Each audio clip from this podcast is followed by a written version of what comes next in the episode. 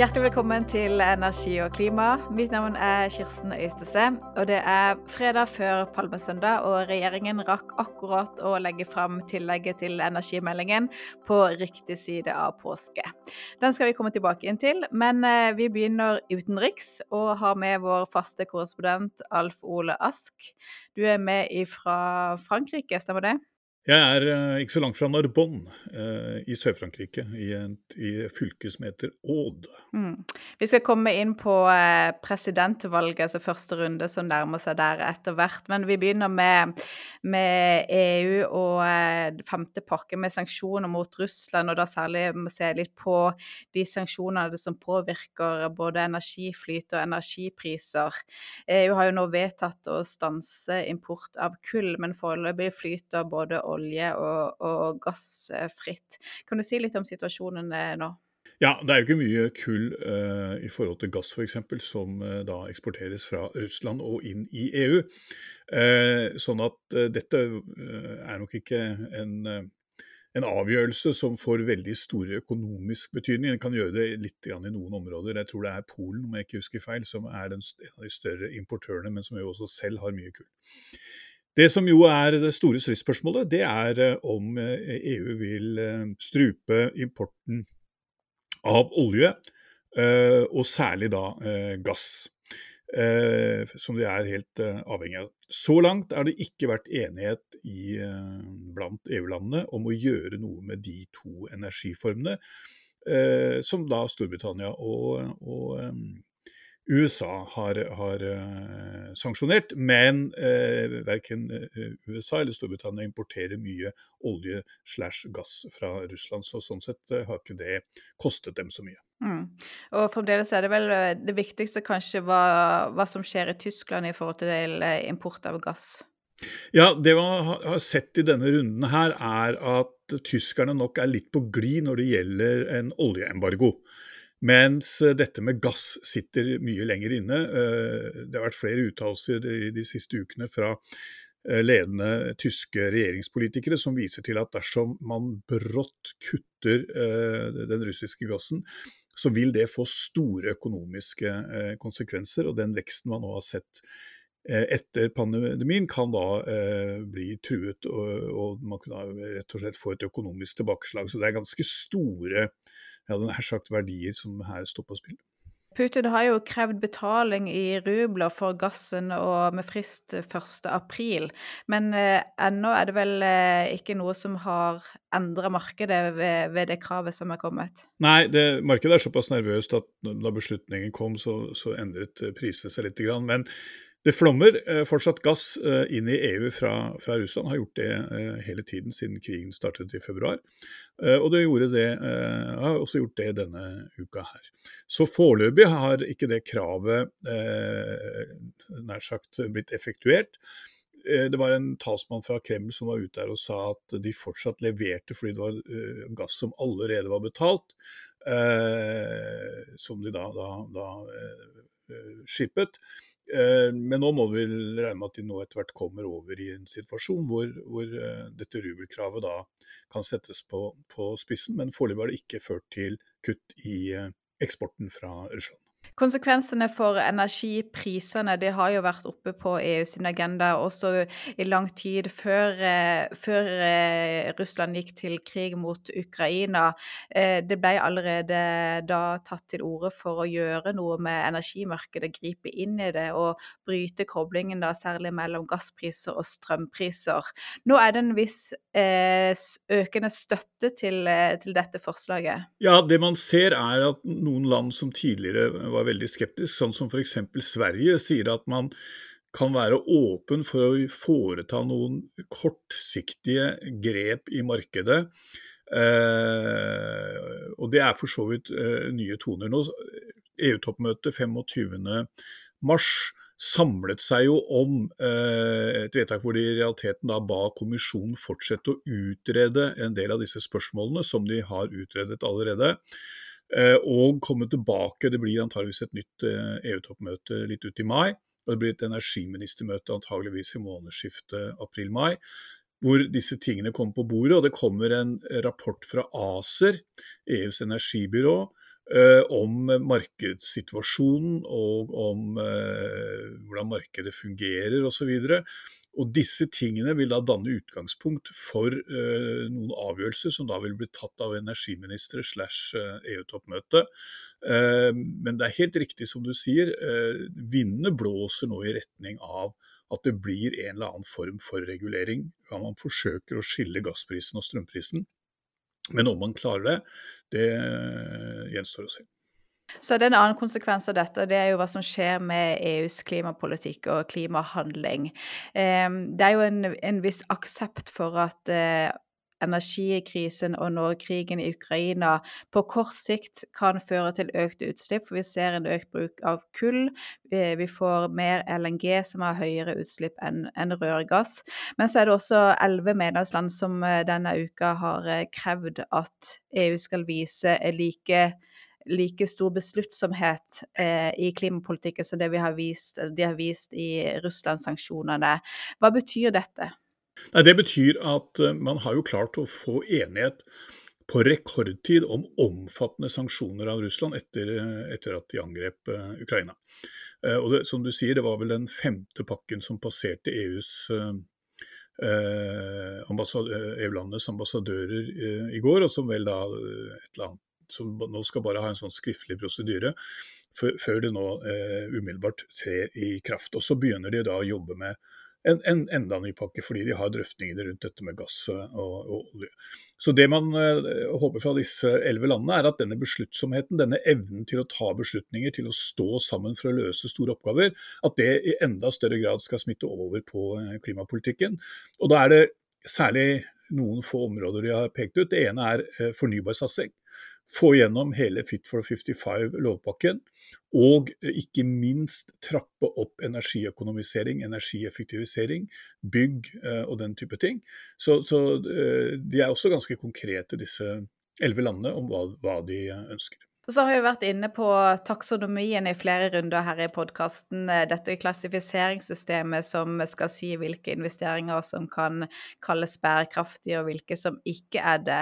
Eh, og dette har jo en, en, eh, en lengre historie, men hvis vi går tilbake til årsskiftet, da EU-kommisjonen la frem sitt forslag som sa at gass og atomkraft også skal merkes som bærekraftig, men på visse vilkår, så har jo denne debatten da gått videre. I, i en artikkel på Energi og klima denne uka så skriver du at kommisjonen kan komme til å gå på et nederlag i Europaparlamentet på denne saken. Hva er det som har skjedd? Ja, den, Dette er jo eh, en såkalt delegated act, så det var jo i sin tid eh, parlamentet og ministerrådet som ga kommisjonen i oppgave om å komme med, med en løsning. Um, og så er det litt sånn strid på om de nå det er egentlig er det bare et teknisk spørsmål, eller om de bryter ny politisk eh, mark. Her er situasjonen den at uh, dersom medlemslandene ikke vil ha dette, så må uh, et flertall av, et stort flertall av medlemslandene jeg tror det er 20, som utgjør noe sånt som 65% av EUs befolkning, for å kunne si nei til, eh, til dette forslaget. Eh, er det, eh, er det færre som, som, er imot, så, så, går det gjennom. Og når det gjelder EU-parlamentet, så må det da være halvparten av medlemmene, ikke halvparten av de som møter opp, men halvparten av det, det er vel noe sånt som 353 for å stanse det. Blant medlemslandene så er det en rådende oppfatning at der er det så mange uhellige allianser at uh, dette kommer til å bli gjennom. I parlamentet har dette vakt mye større uh, engasjement. Og jeg var sjøl på en høring i, for finans- og miljøkomiteen, hvor det nesten bare var folk som, som, snakket imot. Og når du nå snakker med folk rundt forbi, så sier de det, det samme som Jytte Gytland, denne svenske sosialdemokraten, sier til oss i det intervjuet, at det kan eh, nærmest stå og vippe når de da skal ha denne voteringen, trolig i juli. Og vi får en slags pekepinn på hvordan det går når disse to komiteene som behandler dette her, nemlig da eh, finanskomiteen og eh, miljøkomiteen, antageligvis har sine første voteringer en eller annen gang i månedsskiftet mai-juni. Har krigen også påvirka taksonomien og behandlingen av den? Ja, det er de som mener at man eh, nå trenger eh, all den energi man kan osv., og, at man da må si ja til dette. Eh, motargumentet mot det er at det kommer til å være helt fritt fram å investere både i atomkraft og gasskraft i EU framover, men man mener at man vil uthule taksonomien ved å merke disse som bærekraftig på visse vilkår og i en overgangsperiode, slik kommisjonen har foreslått. Og at det da vil undergrave hele tilliten til taksonomien, som er et veldig viktig verktøy for å eh, styre private investeringer inn i eh, fornybarmarkedet. Mm. Forrige helg så var det valg i Ungarn. Viktor Orban ble gjenvalgt med, med ganske god støtte. Eh, denne helga er det første runde i presidentvalget i Frankrike. Hvordan ligger det an der? Ja, Først kan man vel si at uh, hvis, hvis, man har EUs klima som, som uh, var opptatt av det, så, så, var jo ikke valget i Ungarn spesielt gledelig, fordi at Viktor Orban har jo vært eh, på mange måter eh, liksom den eh, klassens bråkmaker eh, i klimapolitikken og har eh, vært bremsekloss og, og, så videre, og, og, er også en av de som nå er eh, den tøffeste opponenten til å få til embargo av olje og gass fra, fra, eh, Russland. Når det gjelder valget her nede, det er tolv kandidater som nå går inn i første runde. Alles øyne er jo rettet mot Marine Le Pen og, og, og president Macron. Det virker som vi får en gjentagelse av 2017, hvor det er de to som møtes i andre valgomgang. Hun fosser nå fram på meningsmålingene. Han faller noe. Eh, men eh, det blir nok eh, de to som, som da møtes til det avgjørende slaget første påskedag. Det er liksom to uker da, med valgkamp i, i påska her, som, som da vil, vil, avgjøre hvem av de to som da flytter inn i LIC-palasset. Enten om det da blir Macron som fortsatt skal bo der, eller om Marine Le Pen da lykkes i det som vel er hennes tredje, tror jeg, forsøk på å bli, eh, bli fransk eh, president. Og for klimapolitikken så er det ikke uvesentlig om det blir fortsatt Macron eller om Le Pen skulle overta? Nei, det kan, eh, kan du si. Hun har, hun har, jo ikke uh, vært den som, som uh, har frontet klimapolitiske uh, løsninger. Unnskyld. Men, men så, så, så, det er helt, helt, opplagt at det kommer til å, til å få, få, få virkninger. Vi kan komme tilbake igjen til eh, valget i Frankrike når første runde er avgjort og vi ser hvilke to kandidater det vil, eh, vil stå mellom. Absolutt. Fint. Takk for oppdateringene fra Frankrike. Takk skal du ha. Da skal vi til eh, tillegget til energimeldinga som regjeringa la frem i dag. Og jeg har med mm, daglig leder i Norsk Klimastiftelse, Lars Henrik Porup Mikkelsen. Velkommen. Tusen takk, Kirsten. Et tillegg på 130 sider fredag før påske, det er jo hyggelig? Det er veldig, det er veldig hyggelig. Og det er jo det første som slår en, det er jo liksom Kommer du med noe liksom dagen før ferien, så, så er det kanskje ikke så veldig gode nyheter. Men uh, vi visste det kom seint, og vi visste det kom i dag, så um, endelig, må man jo si for oss som liker å følge med på energimarkedet og energipolitikken. Men spørsmålet er, er det noen nyheter her? Hva, hva inneholder denne tilleggsmeldingen? Altså Det i hvert fall jeg var mest spent på, det var jo, eh, det var jo egentlig regjeringens analyse og forståelse for egentlig det som skjer nå eh, i, i verden og rundt oss. Og det er jo sånn før og etter Ukraina-krigen.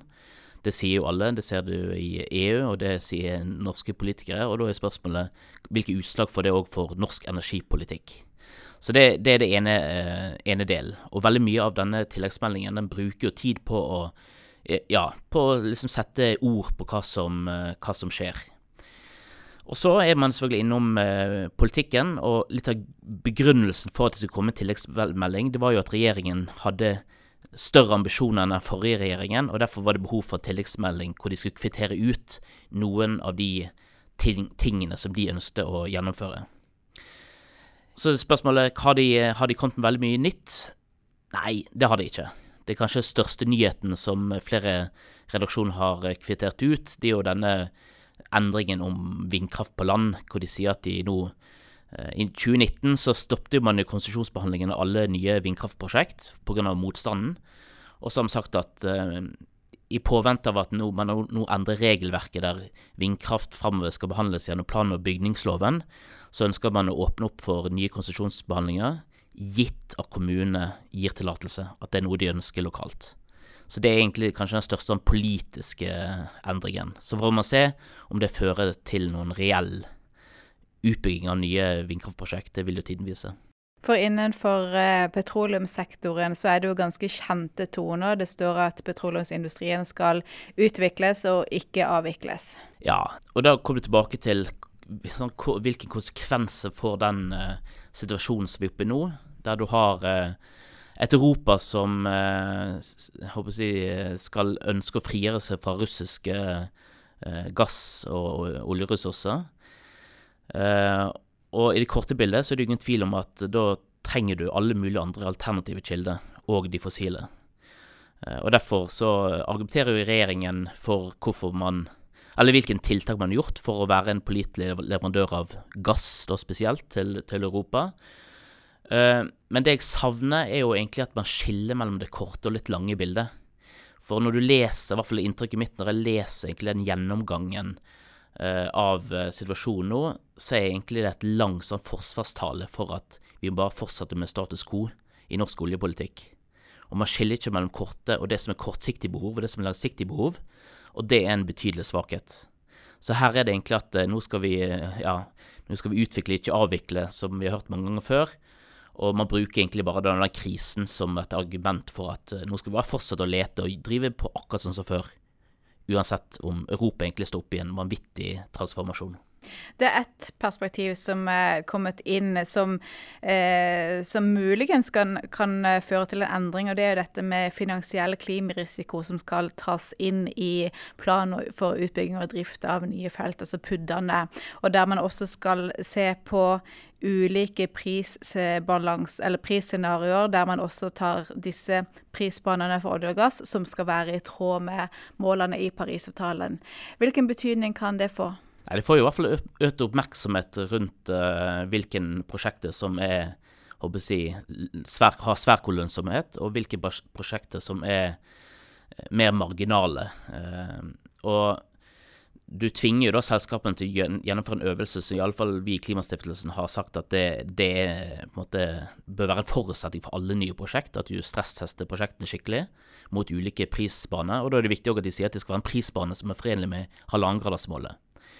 Men så spørs det da hvilken effekt dette egentlig får å si. Og det er noe med at når du har en oljepris da på godt over 100, altså 100 dollar fatet, eh, så kan det virke veldig lenge siden du hadde en oljepris som var liksom bare på noen titalls dollar. Og at den, når du da som fra politisk ledelse skal sitte og vurdere på en måte hvor uh, solide disse prosjektene er, så tror jeg det er veldig lett at du da ser på hva er situasjonen i dag, hva er prisen i dag. Så det er jo en utfordring for uh, oppfølgingen og hvordan du skal lese og tolke disse her. Så vil du jo se da om uh, dette er kunnskap som kan brukes til å si nei til noen prosjekt. Og vi vet jo at det er en del prosjekt i pipeline som uh, ja, som i alle fall ikke uten de nye skattereglene hadde vært lønnsomme, f.eks. Wisting lengst oppe i nord. En annen ting som jeg har lagt merke til, nå, nå, skal det sies at både du og meg har bare skumma gjennom hele meldingen, og vi har ikke finlest den, så det kan være ting vi ikke har fanga opp ennå. Men eh, jeg ser flere steder hvor de henviser til at eh, Norge har forplikta seg til å kutte i, i, i, forhold til det vi har meldt inn til, til FN under Parisavtalen, men henviser ikke til eh, de eh, de nye målene som står i Hurdalsplattformen, at vi skal kutte utslippene hjemme 55 eh, Hva tror du dette skyldes? Jeg, jeg, tror ikke at det er endring i politikk, men eh, det er i hvert fall en tydeliggjøring av at det, altså vi har ulike mål, og det målet som virkelig teller, det er jo det vi har meldt inn til uh, Altså i internasjonal sammenheng, sant, til, uh, i, som ledd av Parisavtalen. Men uh, man har jo fått ganske tydelige sånn, signal fra regjeringen i det siste om at målet til denne regjeringen er å kutte 55% i måte, der du ser utslippene samla og ikke skille mellom kvotepliktig og, eh, og ikke-kvotepliktig sektor. Så mm, jeg tror ikke vi skal lese for mye i, eh, i det, da. Men de, men de, er jo veldig tydelige på hvilk, altså Når du snakker om oljeindustrien, så er de veldig tydelige på at oljeindustrien skal nå 50 %-målet eh, innen 2030. Så der forholder seg for så vidt til uh, Hurdalsplattformens uh, formulering. Mm. Og Det var jo også et mål som storting, hele Stortinget sto bak i forbindelse med behandlingen av oljeskattepakken. Eh, men eh, litt om omstillingen og det tempoet som vi, vi, trenger i Norge fremover. Det er jo særlig satsingen på eh, fornybar energi. Eh, da også Du var inne på vindkraft på land, men også eh, sannsynligvis store forventninger til hva de gjør der på havvind. Hva leser du i meldingen på? Nei, altså det, det jeg syns er veldig rart, er at man kommer med en tilleggsmelding hvor du forventer mye politikk, mens på veldig mange områder så gjentar du egentlig bare løftet uh, og formuleringer om hva som skal komme litt seinere. Og de samme formuleringene som i veldig mange, veldig mange, av de finner du igjen i Hurdalsplattformen og i tidligere dokument som har blitt uh, offentliggjort. Eksempel så sier man i Hurdalsplattformen at man skal ha konkrete mål for, uh, for de ulike fornybarkildene. Hvor mye skal du produsere innen, innen 2030? Og i denne tilleggsmeldingen så sier du f.eks. på solkraft, da, så sier at vi skal vi kommer snart, eller vi kommer seinere, med et mål om hvor mye sol vi skal ha. Mens hadde man på en måte tenkt at dette var litt hastverk, så hadde du brukt denne anledningen til å fortelle hva dette målet skulle vært, og hvordan vi skulle utløse det eh, potensialet da, for solenergi, hvis du bruker det som et konkret eksempel.